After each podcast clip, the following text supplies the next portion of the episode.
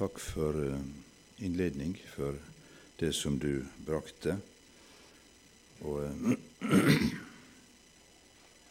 det å oppleve at Den hellige ånd er så sterkt til stede, jeg hadde nær sagt umiddelbart i et møte, det viser at han har den største interesse for det vi er samla om, og det vi steller med. Og jeg tror nok at han er mye mer interessert i dette møtet enn kanskje vi er ikke i møtet bare som, en, som sådan, men, men, i den enkelte av oss som er kommet hit i, i formiddag. Eh, det var også nevnt i budskapet at eh, han visste om bønneemnet lenge før du kom hit, at du kom til å komme med det. Og Det, det gir ei trygghet eh, i, i det å høre Jesus til, at han veit alt det kan virke skremmende at noen veit alt om oss. Vi vil nå gjerne skjule ting for omgivelsene, for de behøver jo ikke å vite alt. Og det er klart, det trenger ikke omgivelsene å gjøre. For da vil vi føle oss avkledt og, og sårbare. Men det at Jesus veit alt, det gir oss ei trygghet. For da veit han også bedre enn jeg gjør sjøl, hva, hva jeg trenger til. Ja, et barn er oss født, en sønn er oss gitt. Det er et, et sterkt ord. Og alle disse her, uh, disse her betegnelsene på Jesus som, som står her, han kalles under, rådgiver, veldig Gud, evig far og fredsfyrste. Det er sånne, det er sånne mektige, det er sånne tunge eh, egenskaper han har, som vi ikke vil finne noen annen plass eller med noen andre.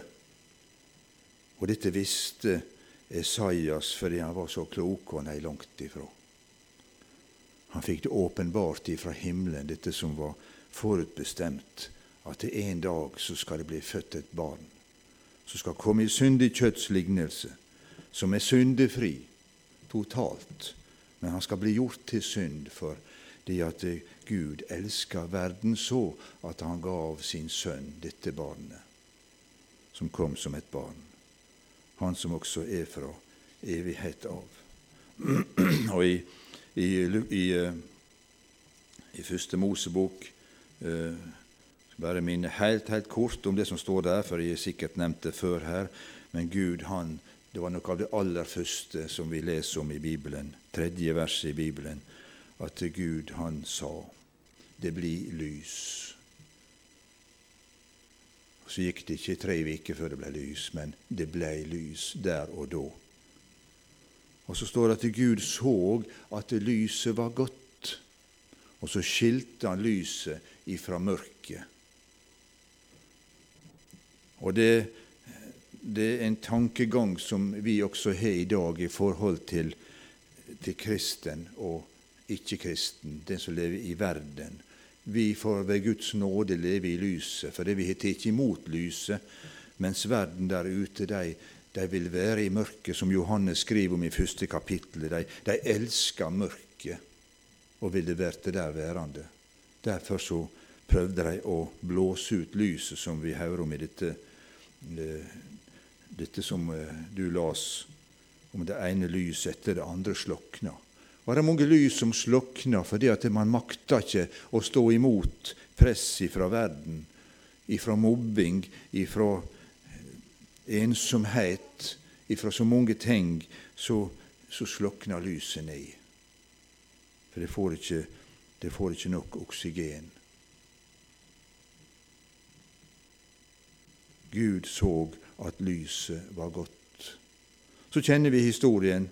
Adam og Eva blåste ut lyset. De laga det vanskelig for etterkommerne sine.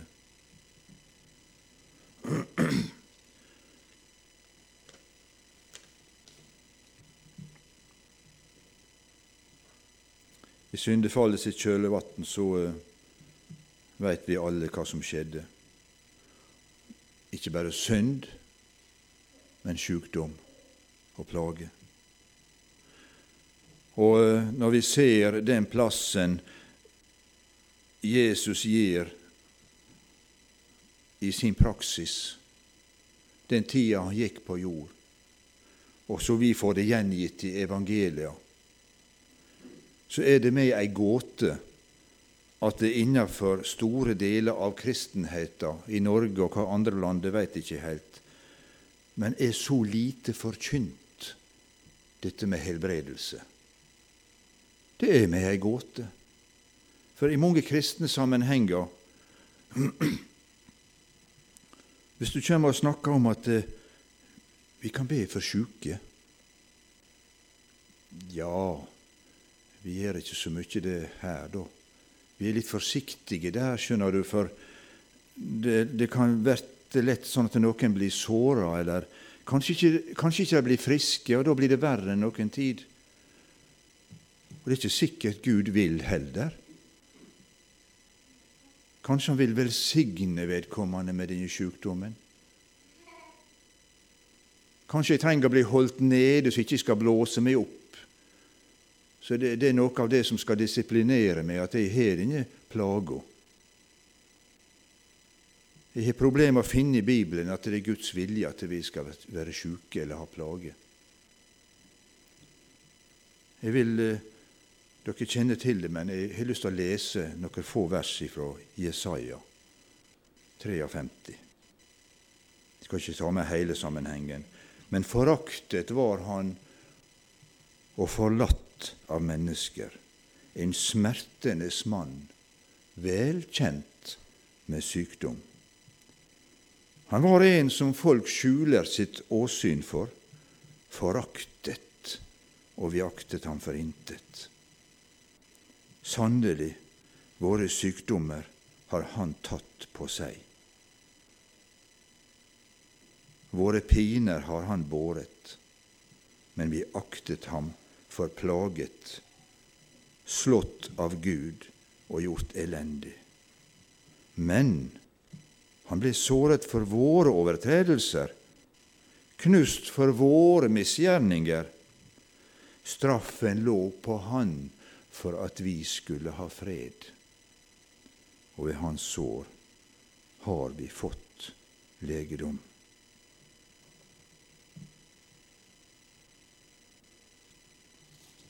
Ved hans sår har vi fått legedom.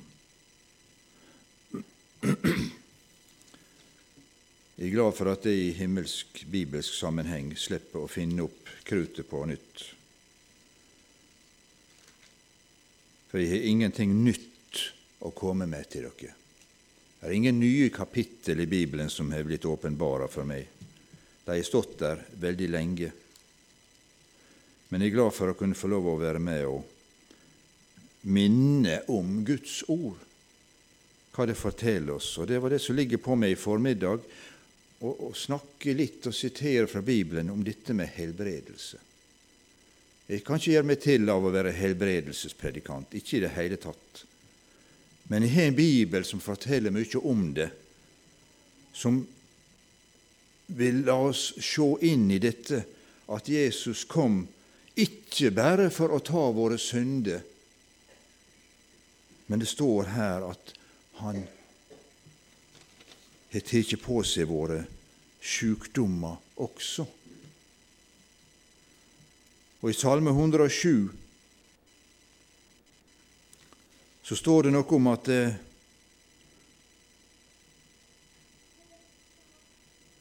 han sendte sitt ord og helbredet dem og reddet dem fra graven fordi de ropte til Gud i sin nød, og av deres sine trengsler frelste han dem. Så sendte han sitt ord og helbreda dem, og redda dem fra, fra grava. Og da må jeg også ta med i samme slengen ifra Salomo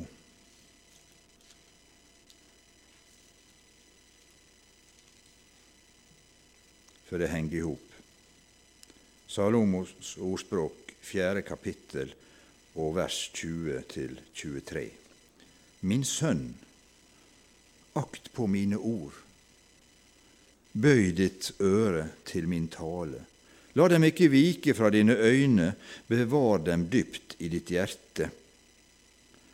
For de er liv for hver den som finner dem, og legedom fra hele hans legeme.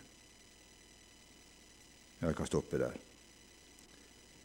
Guds ord er liv for hver den som finner dem, og legedom for hele hans legeme. Og i lyset av Johannes, der det står at ordet blei kjød og tok bolig iblant oss, så ser vi jo Jesus i dette her.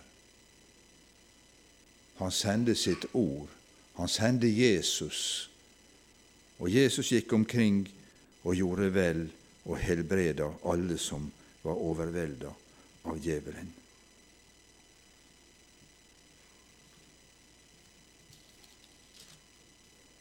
Du skal få et ord til fra salmen. Min sjel lov Herren, og glem ikke alle hans velgjerninger. Salme 103.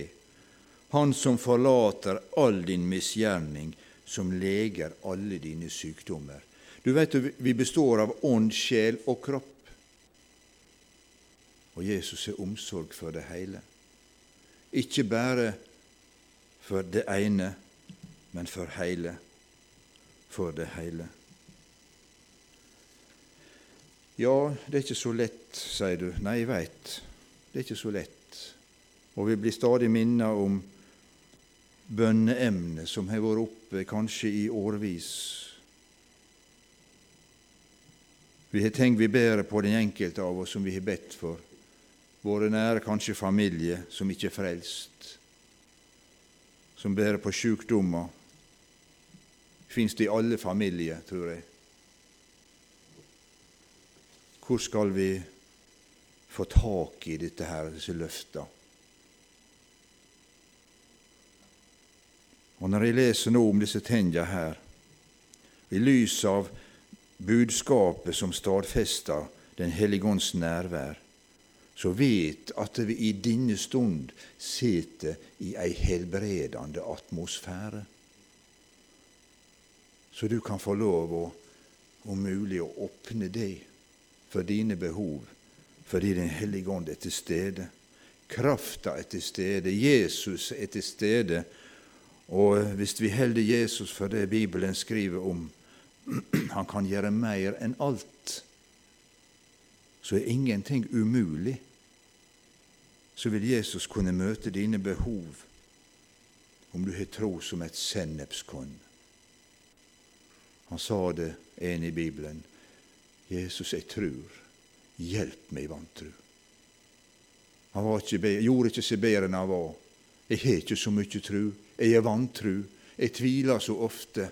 Men Jesus, jeg vil klamre meg til deg. Jeg vil tru på deg.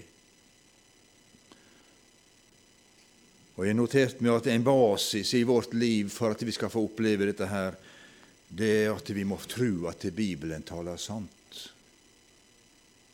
At ikke det bare er en tilfeldig taler som kommer med noen påstander, men at det er begrunna i Guds ord, at det er sant. At det ordet er sant. Og at vi har tru og tillit til at Jesus vil, og han kan. For dette som jeg sa litt om, at enkelte henger litt oppi dette her, at det kanskje ikke er Guds vilje. Så Derfor blir det ei usikkerhet i bønna, og så slenger man på 'Hvis det er din vilje, Gud, så må du helbrede meg'.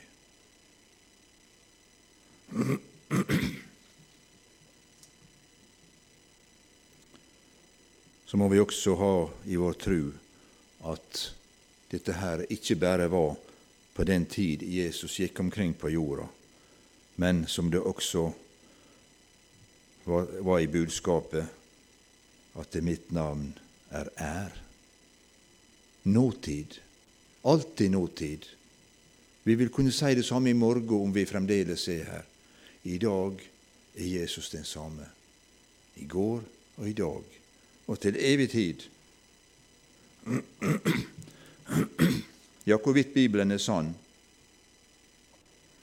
Vi veit hva Satan sa i hagen. Har Gud virkelig sagt? Er det, er det slik? Er det, må vi ta det bokstavelig? Er det noe å feste lit til? Paulus han sier det i, i 2. Timoteus 3,16 at hele Skrifta er innblest av Gud. Så det er ikke noe rare påfunn av Paulus eller Peter eller Johannes, men de er direkte inspirert av, av Gud. Og Salme 119 sier at summen av, av Guds ord er sannhet. Og da er ikke det da har ikke vi fått noe mandat til å å parkere noen ting og sette det i en tvilssituasjon. At det, 'dette får vi ta igjen, for dette kan jeg ikke helt tro på'. Dette får vi heller utelukke, og så får vi ta med det som vi vurderer som greit. Hele Skrifta innblest av Gud, og det er sannhet på kryss og tvers. Vi må få lov å tro at Jesus vil helbrede. Og eh, en spedalsk han kom til Jesus og sa det slik at 'Herre, om du vil, så kan du helbrede meg'. Og vi veit Jesu klare svar. 'Jeg vil. Jeg vil. Bli ren'. Tenk det, Jesus han var veldig klar på det. Så jeg trenger ikke så veldig mange bibelsted for å understreke det. Det er nok at Jesus har sagt det jeg vil. Det ligger i hans natur. Hvis han skulle, hvis han skulle ha liksom dette at ja, du bør bare ha sykdommen. Du, du må ha noe. Jeg finner ikke støtte for det i Bibelen. Men at det der er ei tid å vente, det er ei helt annen sak. Vi kjenner til Lasarus, den tror jeg har talt om her. Det gikk to dager. Jesus ga seg tid. Han visste det at det var en dødelig sykdom. Han visste at Lasarus døde til og med. Likevel så ga han seg god tid. Var det uvilje? Var det slik at han syntes at det, det var ikke noe å kave med, eller noe sånt? Nei, Jesus ville det. Han elska Lasarus, han elska denne familien, og han møtte dem. Han gjorde så mye mer enn det han hadde gjort hvis Jesus hadde skunda seg å komme og helbrede sykdommen mens Lasarus levde, så blei underet så mye større når han kom og hadde leie fire dager i grava. Og han fikk åpenbare sin himmelske kraft og makt på Lasarus. Så Jesus, han vil, og han kan helbrede.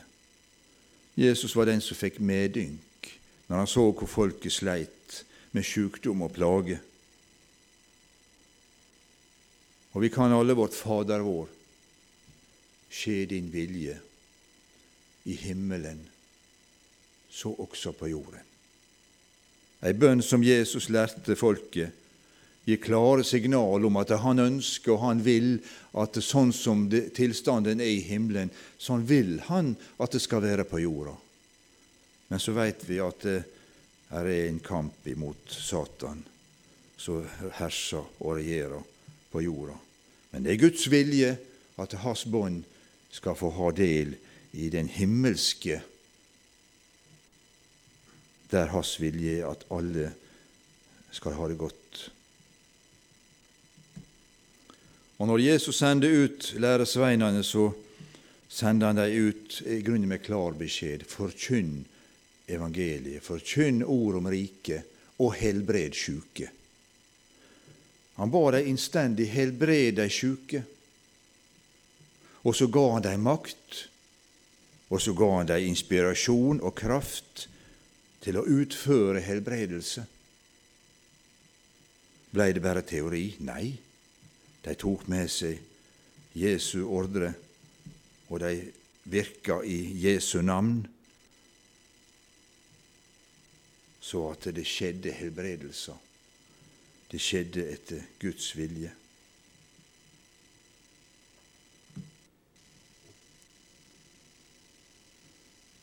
Så spørsmålet til meg og deg om vi vil ta til oss dette her.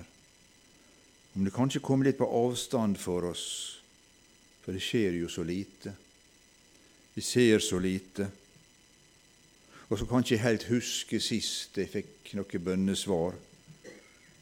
Så kan Den hellige ånd på nytt få lov å åpenbare for deg at det står skrevet, og det er Jesus som har sagt det, og det er Jesus som gjør det.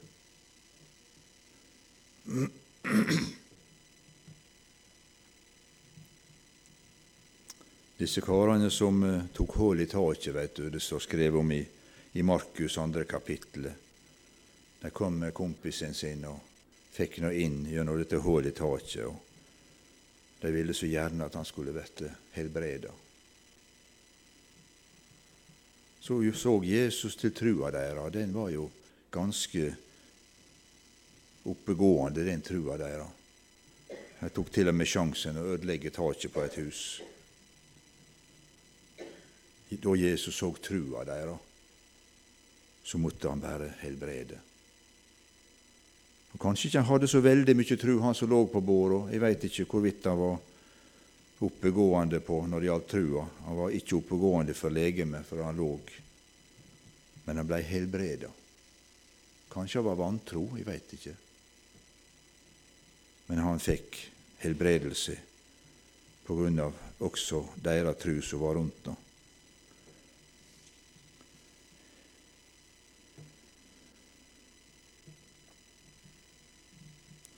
når ting kjem på, når ting dukker opp i det plutselige, hva gjør vi da? Det kan være ulykke, det kan være akutt sykdom. Så er jo det stående mulighetene vi har, å ringe 113, og de kommer jo ofte fort, for enkelte litt lenger, alt etter hvor man bor og sånn. Men det er på en måte det, det beste denne verden kan by oss når, når nøda banker på. Det er at vi skal få lov å ringe. Og vi har det godt i Norge på den måten. All ære til sykehus og helsested som, som har sånne tilbud til oss. Mange blir berga på den måten i akutt sykdom og ulykke osv. Men har du fått et annet privilegium. Søk først Guds rike. Hvorfor det? Jo, for det første så er han alltid nær. For han bor i meg. Han bor i deg. Du trenger ikke å ringe noen plass.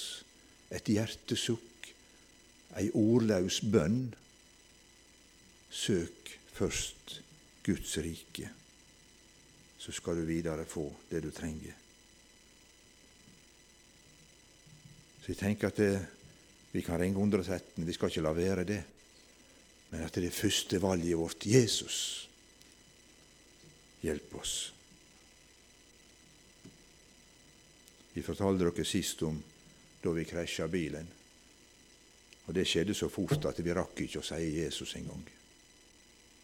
Da er det godt å være bevart i, å være i nåden, være i Hans beskyttelse hele tida.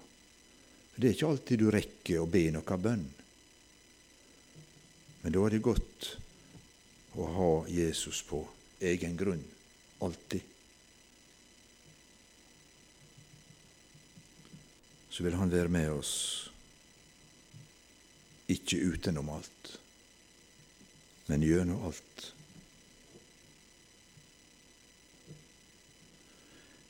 Men eh, det er ikke så ofte det kommer noen predikanter som er begava med helbredelsens nådegave, tenker du kanskje. Nei, det kan så være. Er det en del som er utstyrt, synes det meg, med nådegave til å helbrede. Og Bibelen taler om nådegaver i flertall til å helbrede. Og De kan utarte seg på forskjellige måter, men så står det et velsigna ord i Markus 16 at disse tegn skal følge de som tror. Og hvem er de som tror? Jo, det er jo du som tror på Jesus, det. Og så står det faktisk at det, på sjuke skal de legge sine hender. Disse som tror, og de skal bli helbreda. Og da må nå det grangivelig ha noe å gjøre med at jeg og du som kristne, vi har fått den rettighet og den mulighet å be for og med hverandre. Vi kan legge hendene på noen som har det vondt, og be om utfrielse, om helbredelse, i Jesu navn. Jeg er så glad for det navnet som står på veggen her. Der står Jesus. Elsket og hatet. Ja, da han gikk på jord, så var han hata av mange. Og Hvis du på en buss eller en tog eller hva som helst sier Gud og Fader, ja, da er det liksom Det er jo dagligspråket. Men sier du Jesus, da skal du få se på reaksjon. For Jesu navnet, der er noe med dette navnet Jesus som verden reagerer spontant på, og det som verden er representert i. Vondskapen, Satan, som, er, som vi finner overalt i samfunnet. Han reagerer voldsomt på Jesu navnet. For han veit at han har grunn til å frykte dette navnet. For han veit at han har tapt. Han veit at Jesus vant en seier på Golgata. Det er fullbrakt. Det er fullført. Det er betalt alt.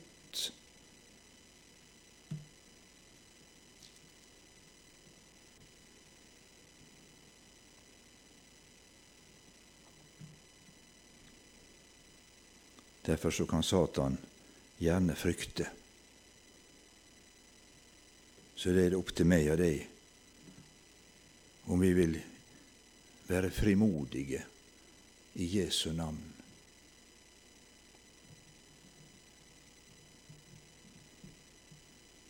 Også på dette feltet. Det viktigste for oss det er at vi får ta imot frelsa i Jesus, få tilgivelse for våre synder. For det trenger alle. Alle har synda og trenger Guds tilgivelse. Ingen har gjort seg fortjent til frelsa. For Jesus, han tok på seg. Han gjorde alt. Det er nok, det som Jesus gjorde.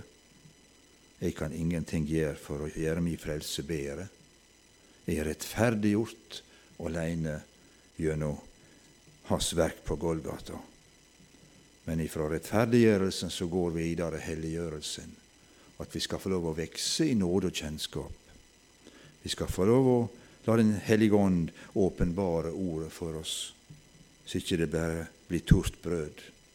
Men vi trenger drikke til. Vi trenger Den hellige ånd til å åpenbare ordet for oss, så det kan bli levende. Og så tror jeg Jesus vil at vi skal være konkret. Vi kan selvfølgelig be en bønn om at Herre helbred alle i menigheten vår. Det er en god bønn.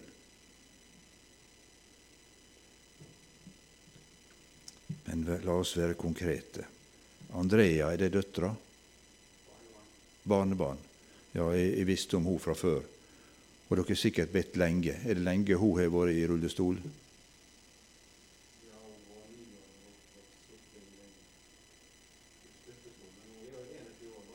21 år, og fra hun var ni år. Det, det er lang tid for ei unge jente. Og det er mange spørsmål i en sånn sammenheng. Hva er meninga, Gud? Hva gale har denne jenta gjort? som skal sitte i rullestol. Hvorfor svarer ikke du Gud? Hun har ingenting gale gjort. Og Gud, han ser hennes sak. Og jeg forstår at dere ber for henne innimellom, kanskje ofte. Og det er en del sånne eksempel bortover. Foreldre og besteforeldre græter ofte over sånne håpløse tilfeller. Men det er ikke håpløst. For vi forkynner et evangelium som gir oss håp, som gjør at det er holdt ut, mitt barn. Haldis Reigstad skrev en nydelig sang. Holdt ut, mitt barn. En dag så skal svaret være der. Jeg ser det er en plass i Bibelen som det står festen i, i Salme 56, 9. Mine tårer er gjemt i din flaske. Står de ikke i din bok? Salme 40 sier 'Jeg ventet, jeg ventet på Herren'. Da bøyde han seg til meg og hørte mitt rop. Det er mange som har måttet vente. Og Det er en del spørsmål omkring dette her. Vi kan ikke svare på det, for vi veit ikke det. Og Vi skal ikke sette oss som allvitende over hvorfor Gud venter, for vi vil ha problemer med å finne gode svar som kan gi trøst til de som har venta i år etter år, som lider Men han har sagt at vi må be og ikke bli trøtte. Og Moses han trengte hjelp og støtte opp under hendene sine, for de ble slitne. Men så lenge det han holdt hendene i lufta, så var det seier. Men når hendene datt ned, når bønna på en måte stilna, da blei det en verre situasjon. Vi skal snart gå inn for landing. Vi har fått sitert litt Guds ord for oss, vil jeg si. Og Når jeg sier det slik, så sier jeg det av og til at det er lurt å lese Guds ord høyt, sjøl om du sitter alene. For vi ser i Bibelen at trua kjem av forkynnelsen. Og du kan godt lese stilt og få mye ut av Guds ord. Men når du leser høyt, så hører ørene dine hva du leser. Og da tenker jeg da får det dobbel effekt. Da får du forkynt Guds ord, og det vil gi vitamin til din tru.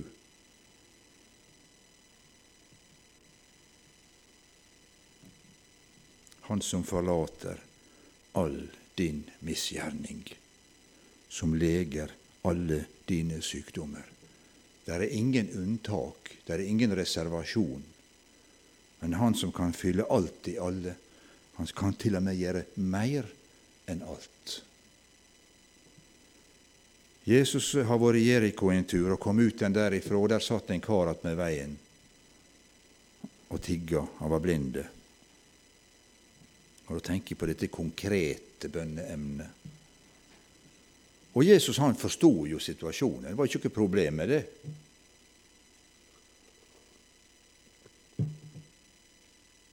Han så tiggere. Jesus visste hva det gikk på. Han var blinde.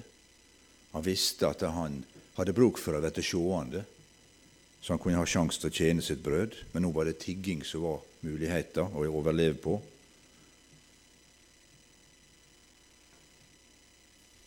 Likevel spør Jesus hva vil du jeg skal gjøre for deg? Og Da kunne jo han ramsa opp forskjellige ting. Jeg kunne i grunnen tenkt meg en ny kappe og en plass å bo og noe underhold så jeg kunne få overleve, og, og litt forskjellig. Jeg har en fantastisk eh, mulighet der og da. Men det var én ting, veldig, veldig konkret ting, som kom ifra denne mannen. At jeg må få mitt syn igjen. Det var ingenting annet som betydde noe der og da enn at jeg måtte få syn igjen. Han var veldig konkret på det. Og vi kan gjerne be om at jeg må få ha god helse. Gode bønner, det. Men er det et kne som er vondt, så ber jeg om ei berøring av mitt kne, eller di skulder, eller din låke nakke, eller hodeverk. Vær konkret.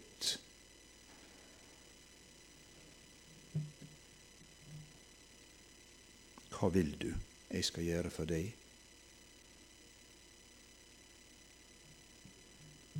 I lys av oppstandelsen så er det ei kraft som ikke har noe gjensvar i denne verden med det verslige.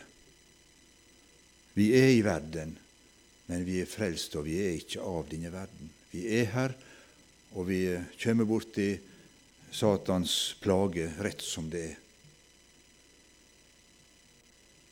Vi kan våkne med hodeverk, og vi kan få sykdommer i hytt og pine. Vi kjenner til det alle sammen. Men så har vi en plass vi kan få lov å gå med det.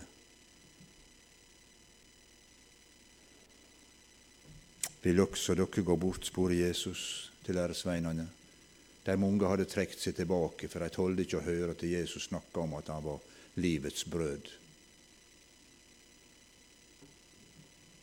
Så sier Peter, Herre, hvem skal vi gå til, da? Du har det evige livs ord. Og det finner ikke vi i verden. Det er mange ting som kan være tillokkende og, og, og, flott i verden, bevares. Her er mye flott.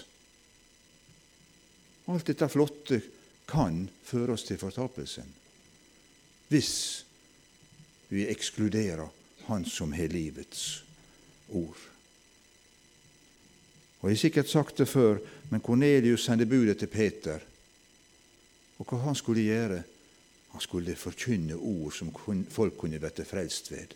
Det var det, det de behøvde i Kornelius' hus. De hadde kanskje alt de trengte ellers, men de mangla noe.